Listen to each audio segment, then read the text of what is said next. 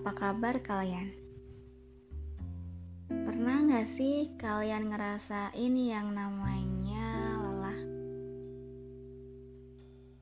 Lelah akan kehidupan misalnya Atau lelah akan rutinitas, lelah akan pekerjaan, masalah Atau bahkan memang sedang berada di titik lelah aja gitu Wajar kok ngerasa lelah karena nyatanya manusia dianugerahi bermacam-macam rasa. Salah satunya ya perasaan lelah itu sendiri. Gak apa-apa kok lelah. Gak apa-apa juga mengeluh sesaat. Asalkan kalian merasakan lelah untuk membangun semangat yang lebih tinggi lagi di kemudian hari.